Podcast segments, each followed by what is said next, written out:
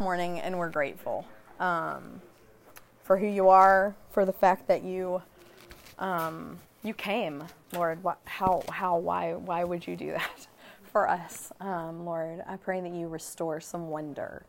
Um, to each of our hearts this morning, Lord. That's just what you keep whispering to me, Lord. Um, let us recapture the wonder of um, not just of Christmas, but of you, of the incarnation of God on earth, Lord. Um, would you would you just infuse our hearts with wonder at you, and your love, and your holiness, and your mercy, and your grace, and your brilliance um, this morning. Meet with us here, Lord. Do what only you can do. And in your name I pray. Amen.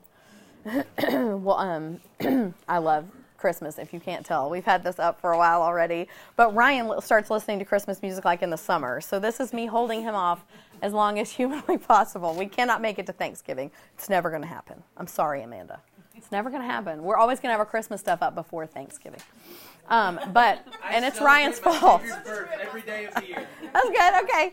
Um, but so a couple, two Christmases ago. Sorry, Heather was super special for us because um, Ella really latched on for whatever reason as we got our Christmas stuff out.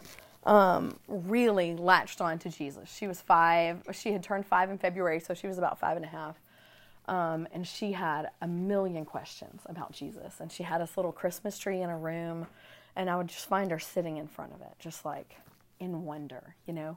And um, she, her favorite Christmas song to this day is "Mary Did You Know." Now we grew up doing Mary Did You Know in our church's big like Christmas thing, and we had to sing the oohs and the ahs, and it got a little old. But watching your five year old like process as when you kiss your little baby, you kiss the face of God. I, I still I can't get over that song again now. Watching her process these unbelievable things, and Ella was captured by the wonder of Christmas and gave her life to Jesus that year and got baptized on Christmas Eve. Um, and she she reminded me what wonder is supposed to be when it comes to not just to Christmas and the lights and the songs and it's all it's all lovely, but Jesus is the most lovely. And so she reminded me of this wonder. Um, and I think we lose our wonder in adulthood. We have the presents to buy and the schedules that are crazy, and we have too much of everything else and too little wonder. Actually, yesterday I walked by this nativity that my children are forbidden to touch because it's very breakable. and somebody had touched all the pieces. I'm pretty sure it was Max. Um, and I went, I went to put them all back, and I realized he made it. He turned them all to Jesus, and I was like, why did I not do that? I went to fix it and I realized he fixed it, right? I did it wrong and he fixed it. But all, all of the figures are are eyeball locked on Jesus, um, the way Max did my nativity, even the sheep and the donkey and the cow, and that's just better, right? But we lose our wonder somehow. and so um, this morning we're going to talk about light. And I, had a friend, one of my friends, Lori, a couple years ago, told me she loves it when I teach because I'm very linear and I have a very clear process. Not today. I kept saying, like, Lord, I need you to kind of like bullet point this for me, and he just kept saying, chase the light. So we're going to chase the light today. I hope that's okay with y'all. All right, and we're you got to give me a little give and take here. So light is a huge theme in Scripture. Light, darkness. Where off the top of your head, where do you think of that you see that light is a big deal? Light or darkness, actually, is a big deal. Where? Genesis. Genesis. John. Okay. Where else? Matthew 5, you are the light of the world. You are the light of the world. Absolutely. We're going to get there. What else? Pillar of fire. Yes, a pillar of fire. Totally. Yep. Lit up the night sky. Absolutely. We do see it all in the Christmas story, right? The star. it shows up um, everywhere. So the the first place we see the theme of light show up is totally in Genesis. Now, I'm going to read you. Actually, did I write it down? Mm-hmm. Yep. Okay. So the first thing God says, right, is "Let there be light," and God separated the light from the darkness. Now, wait a minute. what does that mean? Oh, what? Y'all, he separated the light from the darkness? How, how, how, how? What does that even mean that he did that? This is, this is the scope of him. Okay? There, he said light, and so there was. And then he separated the light from the darkness. On the fourth day, he makes the sun and the stars. So light was there, just there. And then he made the things to put the light into later. I mean, that's mind blowing. Okay? The light came from him. The light came from him. He spoke it, it was, and then he, as creator, gave it its ordained purpose the sun to provide light, the stars to provide light. It says, Let there be lights in the expanse of the heavens to separate the day from the night, and let them show signs and seasons for days and years, and let them be lights in the expanse of the heavens to give light on earth. It's great. That we read those verses, we're like, Yeah, he made the sun. what? He made the sun. He made the sun. He, that's who he is. He, the light came from him. God is light. It co- belongs to him. It comes from him. He is the source of light. Without him speaking those words in Genesis 1, there would be no light. It would not exist, not from any source, not at all. Um, the second thing we need to know, besides that God is light and it all comes from him, is sin is dark. Um, it made our world dark. We own the perversion of darkness. Darkness isn't wrong, darkness isn't sin, but sin is darkness. And so think about it this way the created purpose of darkness was what? God's it, cre- in the creation story, it says over and over. So there was day and there was night the first day. So there was day and there was night the second day. So night was created on purpose. Why? Rest. Oh, bless the Lord. Yes, for rest. I tell my children all the time, why are they scared of the dark? God made night so we can rest. But why are they scared of the dark? Is that is that all darkness is now? Is rest resting time? Definitely not. Right? Darkness became pervasive at the fall. It went into everything. Think about the effect it had on the mind of Adam and Eve, where all of a sudden shame that they had never known. I always I always puzzle about the enemy saying, You'll be like God, you'll know good and evil. Why would you want to know evil when you only knew good? They didn't even understand what he was proposing to them. And so when they chose sin, just like we do, by the way, unfortunately, every day, they knew evil now. They didn't know it before. And now they were like God because they knew good and they knew evil in that way. And so darkness became pervasive on the earth in that moment. And we have contributed to it ever since. And darkness just naturally has that. We were in, um, we stopped in Chicago on the way home from our, our Michigan. I just automatically say it like Christy, Chicago. Uh, we stopped in Chicago and we parked in a parking garage and we were walking out like the ped ped walk or whatever to go up the stairs to get to street level. And Max goes, he was getting all antsy. I could tell. He goes, "This is not safe." it's like, dude, it's cool. Bat- this is where Batman lives. It's good. It's go- it's Gotham. We're good. Batman's got our back. But he just naturally like it felt enclosed and a little dark and a little drippy and puddle, inexplicable puddles, and he felt un- he felt darkness. Uh, absolutely. And darkness is something that we can feel sometimes. and sometimes it's not even, of course, it's not physical darkness. When you have tension in your family or in your marriage, and particularly, it feels dark. I can feel the darkness when there's separation, when there's silence. And so the world that Jesus came into was dark. It was so dark, chiefly because of the silence of God. So, for the whole history of the people of God, the people of Israel, God had been with them. He had been communicating with them. He sent them. Um, he gave Abraham instru- He met, like, talked with Abraham. He talked with Moses like a friend. He gave them the law. He sent prophets. He sent judges.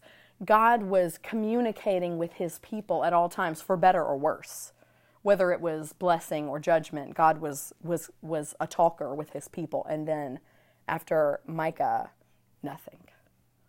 Silence. It was like he wasn't there for hundreds, hundreds of years, 400 years. Think about that in generations. There were generations of people that were born and died, and a word from the Lord never came. Over and over and over and over. and so Isaiah 9 describes the world in those days this way. It says, The people who walked in darkness have seen a great light. Those who dwelt in the land of intense darkness and the shadow of death, Upon them the light has dawned. Look at look at that language. Those who walked in darkness. Have you ever walked in the dark? I can't tell you how many times getting up at night to go to the bathroom or check on a kid, I've run I've run into like the skinny part of the door. You know, like the door shouldn't have been left open, but it was. I ran into that. Max, when Max was an infant, our house in Houston was two stories, and he was the only one upstairs. So I'm like stumbling up the stairs in the pitch black in the middle of the night with a newborn. It was a terrible plan, but I'm I'm glad I survived it. Walking in the dark is a dangerous prospect. You know, um, they weren't sitting still and waiting for the light to come. It was dark, and the light wasn't coming, so they had to walk in it. They had to to operate in it. And they weren't just walking in the darkness; they were dwelling in the darkness. This is how they lived. At all times, no light. At all times, it was dark. This happens, I looked up yesterday, this happens in Alaska. You know, the sun, there are parts of the world where the sun never rises. 67 days in the city of Barrow, Alaska. No, 67 days the sun does not rise. Is that, can you even imagine that? It says, I read an article from the New York Times. It says, while some Alaskans embrace winter, others cope by exposing themselves to bright light therapy, which doctors say can be effective. Others take antidepressants, some medicate with drugs and alcohol, and others who flee the state. They said tons of people leave Alaska for Hawaii in the middle of this time because it's the sunniest place they can possibly think of. But when they come home, I read a guy, it says, he said it takes like two days. Like you just lay in your bed and think, the sun's not coming up for two, after you get home from Hawaii to, before you can like re-enter regular daily life. we were made for light. We were made for light. And these verses in Isaiah 9 explain the problem, right? They're walking in darkness. They live, they dwell in the land of the shadow of death. But you know what comes a, a couple verses later? It's where it says, To us a son is born, to us a son is given, and the government will be on his shoulders. And his name will be called Wonderful, Counselor, Mighty God, Everlasting Father, Prince D- darkness has no peace, but the light is coming, and with it will come peace. So Jesus was the light injected into this darkness, this unimaginable, no word from God coming, total silence from the heavens. I can't even imagine that, y'all. And Jesus broke the night with light. It even happened physically in Luke 2. I remember the, my favorite thing about kindergarten period was the Christmas program. It wasn't like a big, it was just in our room. We stood on the tables in our room, but we all had to have angel costumes. I'm sure somebody got to be Mary, but I've blocked that part out of my memory. I was an angel in a sheet with a little sparkly halo, and we recited Luke 2. and I cannot, like when Linus does it in the Charlie Brown Christmas, it just takes me back because, of course, we learned it in King James because, you know. I, let's not get into that. But, but it says, and in the same region there were shepherds in the field keeping watch over their flock by night. Now, pause. If you're out in the dark at night, it could be dark, but it's not dark like this was dark, right? We're talking the middle, the middle of nowhere. There was no light pollution. There were no street lights down the way. There was, I mean, there's stars. I'm sure there's stars like we've never seen, but this was dark, serious darkness. And then it says, and then an angel of the Lord appeared to them, and does anybody know the next part? The glory of the Lord shone around them, and they were very afraid. I bet they were. I bet they were. They're out there. They're nobody, by the way. They're somebody to us because of this story, right? They're right there in my in my ceramic manger scene. but these men are nobody. They would live, they would take care of their sheep, they would die, and the world would be the same. They're, in the in the economy of that day, they were nobody. And they're sitting there in the pitch black doing their jobs when the visitation of God comes. And the can you I can't even imagine those words. The glory of the Lord shone around them. No wonder they were afraid. And I love, of course, the first thing the angel says is, Fear not, right? Like, I get that this is a big deal and dramatic and scary, but don't be afraid. Um, and so we all know the story in Luke 2. Jesus is born, but something that happens eight days later is according to Old Testament law. They take Jesus to the temple to, to dedicate him, right? And there's a man there named Simeon. And Simeon is a man of God who God has already told him, he's an old man, but he told him, You won't die until your eyes have seen Messiah. And so you got to know he's hanging out in the temple every day, waiting on that baby to come. and Mary and Joseph come to the temple, and Simeon, and the Lord tells Simeon this is him. And he takes him and says, he blesses him. And listen to what he says. He says, Lord, now you are letting your servant depart in peace according to your word. For my eyes have seen your salvation that you have prepared in the presence of all peoples, a light for revelation to the Gentiles and for glory to your people Israel. Of course, we know the light of the star led the wise men to Jesus. but y'all, I think one of the ways we lose the wonder of Christmas is when we stop here. This is precious, okay? And it's miraculous. But this is not it. It is not, is it Ricky Bobby prays to the little sweet baby Jesus? That's not, this is not a correct perspective of who he is. Okay? He was. He's by the stairs. oh my word, that was my favorite. This this baby in a manger is remarkable not because of his preciousness, but because of his enormity, right? This tiny enormity that he is is what makes him so remarkable and so uh, like it doesn't it, it's incomprehensible who he was. Hebrews 1 says about Jesus that he is the radiance of God's glory and the exact imprint of God's nature. Uh, some translations say the exact representation of his being. Okay, so think think just process through his life as the risen savior he is the radiance of God's glory and the exact representation of his being. On the cross, he is the radiance of God's glory and the exact representation of his being. During his ministry, healing the lame and the sick and raising people from the dead, he is the radiance of God's glory and the exact representation of his being. As, as possibly a pimply faced teenager, he is the radiance of God's glory and the exact representation of his being as a child learning the Shema. His parents would have taught him, Mary and Joseph would have taught him to say, The Lord our God, the Lord is one, and you shall love the Lord your God. How, how do you think he felt reciting that? Can you even, I, I don't know, I, don't, I can't even comprehend it. You shall love the Lord your God, him with all your heart, and his Father with all your soul, and the Spirit with all your strength. How, how, how must he have felt learning those words he had spoken so many years ago in Deuteronomy? Um, as a newborn in the manger, he certainly was the radiance of God's glory and the exact representation of his being.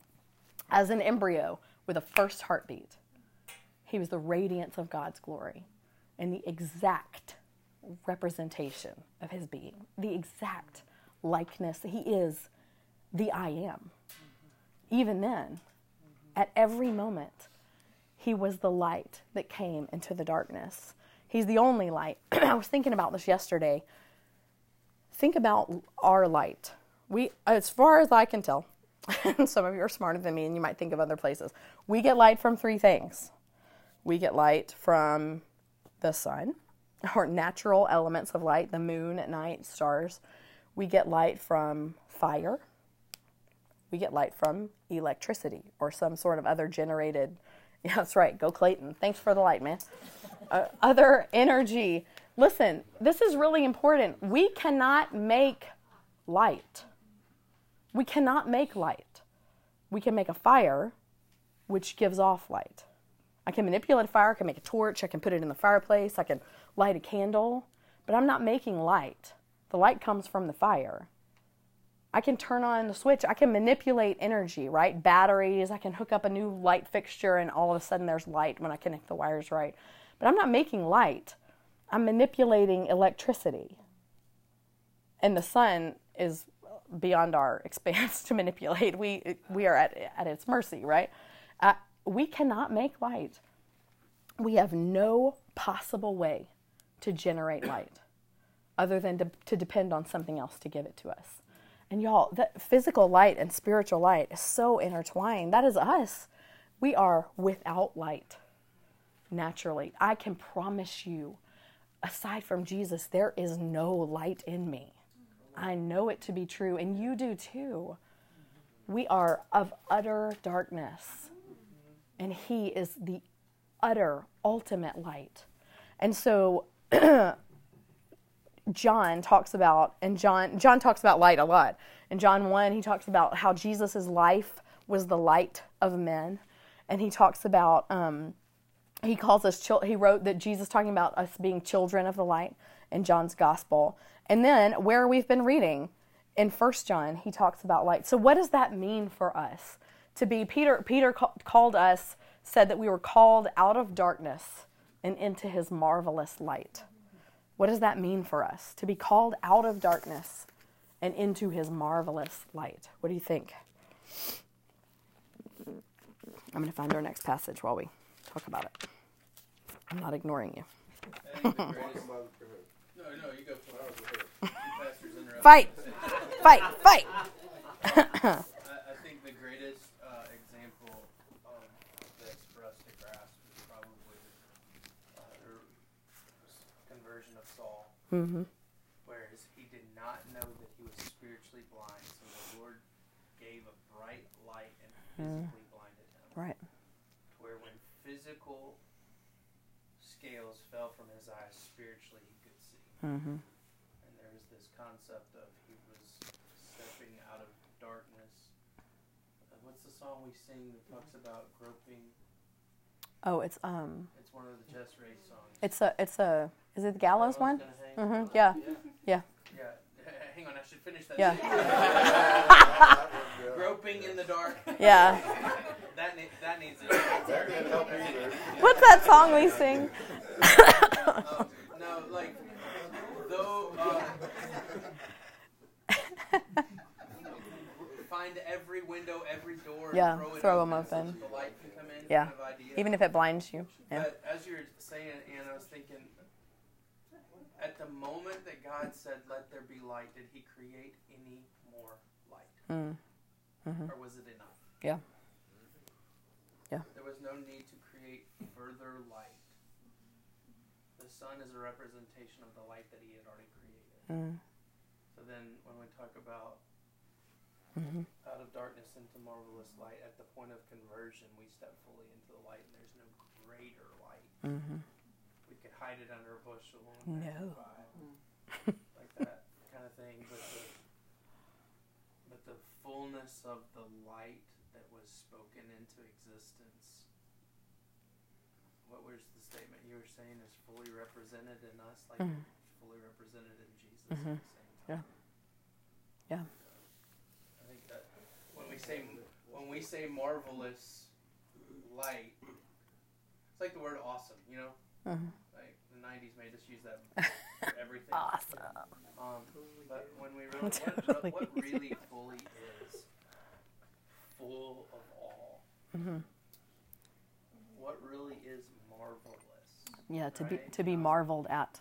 Yeah. right? Like Mhm. those things. I think that when we talk about the light of the world, the light of the Mm. Lord, the light of God that He spoke into existence, that's Mm. that's that. Yeah. For sure. I keep thinking of Moses, you know, the burning bush, hmm the the when he would step away and, and, and have an encounter and come back and he was red faced, Mm hmm right? Yeah. Just from the radiation, the Yeah. light. Keep thinking, it just keeps Yeah. radiating. hmm Absolutely. I, I, I don't know who it, I think it might have been Piper that said this that um, we sometimes think of this roaring, burning bush that's not consumed, Mhm. but I think the greatest, it, he says it, the greatest display of God's power is that it's a small flame Mm. Mhm. because the idea of a flame would engulf, but the Lord could keep it a small flame Mhm. and like the the restraint of His power to hmm communicate. Yeah. That, that there's Yeah, something for to sure. that. Like, but then Mm. later on, when he interacts with Moses face to face, and Moses comes down, whatever it was, it freaked everybody out where they ran away from it. Yeah, Mm. yeah. Like, you look like an alien or whatever. where he veiled himself, right? He veiled himself because it, we need to. There was God's glory needs to, have some type of restraint because it affects us in such a different way. hmm But then when Jesus steps in, the veil's torn, and we have full access because of Jesus. We can now fully embrace the Hmm. glory of the Lord. Yeah. And you think of every time an angel's presented, just like the description Mhm. you gave, it's so perfect. Fear not. The person is on their hmm. Absolutely. Every angel has to greet. Fear not. Fear not. Well, because it's so we even even those of us who are in Christ and have been made Thessalonians called us calls us children of the day, right? Our nature has been changed from darkness to light. But we still live in this place, right? So those those the, the visitation of an angel is so otherworldly, right? It's so it's so different from where we live that it's terrifying. I'm sure I'm sure it's shocking and terrifying. But um, so look, we, this is actually where we've been reading in our reading. Um, if you're if you're keeping up, we're almost there. Good job. Uh, First John chapter one and two. We're gonna look real fast because he talks a lot about light right here. Let me read a little bit of it for us. Uh, First John chapter one. I'm gonna read this first seven verses. So this is John talking much much more toward the end of his life. It's a letter, and he says that which was from the beginning, which we have heard, which we have seen with our eyes which we looked upon and have touched with our hands concerning the word of life. Who did he say was from the beginning and is the word in John chapter 1 in his gospel? Jesus. Right, this is a testimony of Jesus. He says, The life was made manifest, and we have seen it, and testified to it, and proclaimed to you the eternal life, which was with the Father and was made manifest to us. that we have seen and heard, we proclaim also to you, so that you too may have fellowship with us. And indeed, our fellowship is with the Father and with His Son, Jesus Christ. And we are writing these things so that our joy may, be, may be complete. This is the message we have heard from Him and proclaim to you that God is light, and in Him is no darkness at all. If we say we have fellowship with Him while we walk in darkness, we lie and do not practice the truth. But if we walk in the light, as He is in the light, we have fellowship with one another and the blood of Jesus, his son, cleanses us from all sin. Is anybody enough of a 90s church kid to not be able to read that verse and hear DC Talk singing in, your, in the back of your brain? Be in the light as you are in the light. I want to shine like the stars. But, anyways, so he says, God is light. And so, since we are his children, we are no longer children of the darkness.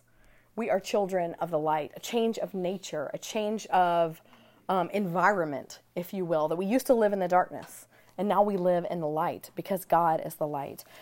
And secondly, because we are children of the light, we have fellowship with God and each other. Listen to the language that he uses. He says, That which we have heard, we proclaim to you, so that you too may have fellowship with us. And indeed, our fellowship is with the Father and with his Son, Jesus Christ. What he's saying is, we want you to come into fellowship with us because we're having fellowship with him. And the and the way you need to know this is that God is light and you're in the darkness, but come into the light. That the light is offered. And the reason John writes this testimony of Jesus is so that through Jesus we can be in fellowship with each other and with the Lord. Is that not us? The purpose of us. We tell people all the time. People always ask us how church is going, and they want to be like, "Oh, we're twenty percent up," and we're like, you know, and we're like, none of that quite matters anymore. But I can tell you this: we are after authentic community and intimacy with God, together and corporately. And that, that's what John's saying. We want you to be in fellowship with us as we're in fellowship with the Father. Um, Jesus is the light of the world, okay? It's one of his I am statements in John. He says, I am the light of the world. Whoever follows me will not walk in darkness, but will have the light of life. That's us. No more darkness unless we choose it, right? We have the light of a life. That's how we get to live now, not as children of the darkness, but as children of the day. So, he's made us the light of the world. Jonathan said it a minute ago. Matthew 5 in the Sermon on the Mount, he says, You, he just said, John 8, I am the light of the world. In Matthew 5, he says, You are the light of the world. he says, A city on a hill cannot be hidden. Do not people light a lamp and put it under a basket, but on a stand and it gives light to all in the house. In the same way, let your light shine before others, so that they may see your good works and give glory to your Father in heaven. So, this is the concept. God calls us out of darkness into light because He is light, and we were made for light. And we have fellowship with each other as we have fellowship with Him. And that light radiates in a dark world you know if this room was pitch black where you couldn't see a hand in front of your face and I lit one match, you would all know where it is and want to come to it, right? That's that's the concept Jesus is setting up. A city on a hill cannot be hidden.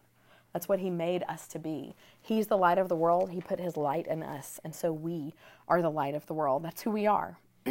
he put His life and light in us. It's not ours. We can't generate it at all. I was talking to David yesterday, and he used the term spiritually translucent. That's what we are, right? We're called to be spiritually translucent, to stay like like Hebrews talks about, stay away from the sin that so easily and, and the things that so easily entangle, because that that dirties us up, right? Our translucence is our intimate fellowship with the Lord, to be to be light to one another and to the world, um, and we have fellowship with each other in the light. You know that that when we're when we're drawn into darkness in our lives in whatever way and sin and isolation we we pull away from fellowship with each other right? When the darkness creeps in we pull away from that fellowship because that's light over there and everything's seen. Um, the the where's the last place you think about light being talked about and not not not like the last place the most unlikely but the last as you read through scripture where's the last place you think about light being highlighted What about what about in heaven? Where's the light coming from? Yeah, remember it says we'll have no na- no lamp, no sun, for the Lord will be its light. David told me just yesterday that he had a conversation with a with an older lady and that she's having visions of heaven and that she was sharing them with him and that she said there are no shadows. It's not like the light is coming from one place and if you get between it and the light there will be darkness. No, that the light is pervasive, right? The light of God goes everywhere. There's no, no there's no um no, no um what's the word like partition that can that can block it off. There's no, nothing that can stand in the way of its transmittance. It is pervasive that the light of God, especially when taken out of the this like culture and environment of darkness where we live, the light will be everywhere. Only ever, always light. Um, and that's what we were made for. He is light and made us in his image. And so that is how we belong, right?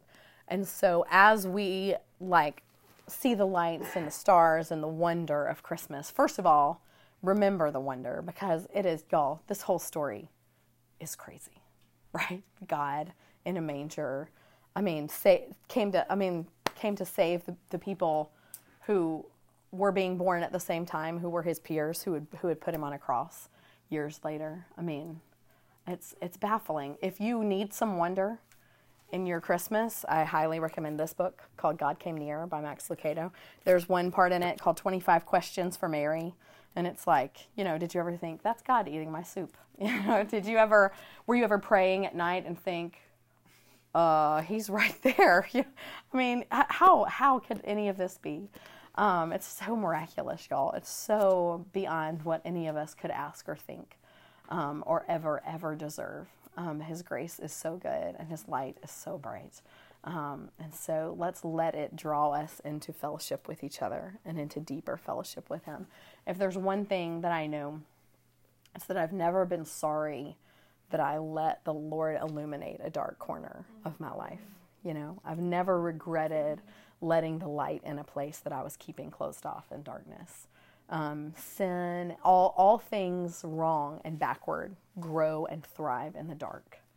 Um, but light kills those things, right? Life, light brings life. And so if I have something in me, in my life, in my heart, lies in my head that need to die, they need to be drug out into the light um, because they'll be replaced with life. No death in the light, life in the light. Um, let me pray for us. Jesus, we're so grateful for you, Lord. Where would we be? Who would we be? What on earth would we be um, without you? And so I pray that you do, um, that you make your light pervasive in our lives, that it's the thing that we're known by, that we're not afraid of it, Lord. Would you illuminate any dark corners in our hearts? Lord, would you illuminate any darkness that we're keeping and, and feeding like a pet, Lord, like it's somehow good or or distracting or entertaining. Lord, would you would you bring it out into the light and and and put it to death so we can be free of it, Lord. Um, let us not believe the lie that that a little death is good or that a little death is okay, Lord. We want just light, just life. Um, and so, Lord, would you illuminate any places where we're not allowing your light to pervade our lives? Um, and Lord, as we do the whole Christmas thing, and it's busy and it's crazy, and some people may be just sick of it by now, Lord, and it's just December 1st. Uh, Lord, would you, would you slow us down?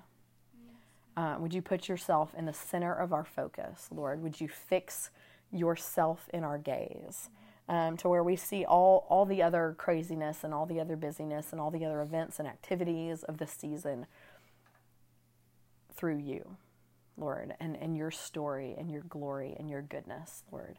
Um, would you just bless us um, and make us that city on a hill, Lord? Let our light um, be seen, Lord, and would it draw people to you um, to be in fellowship with us and most of all in fellowship with you.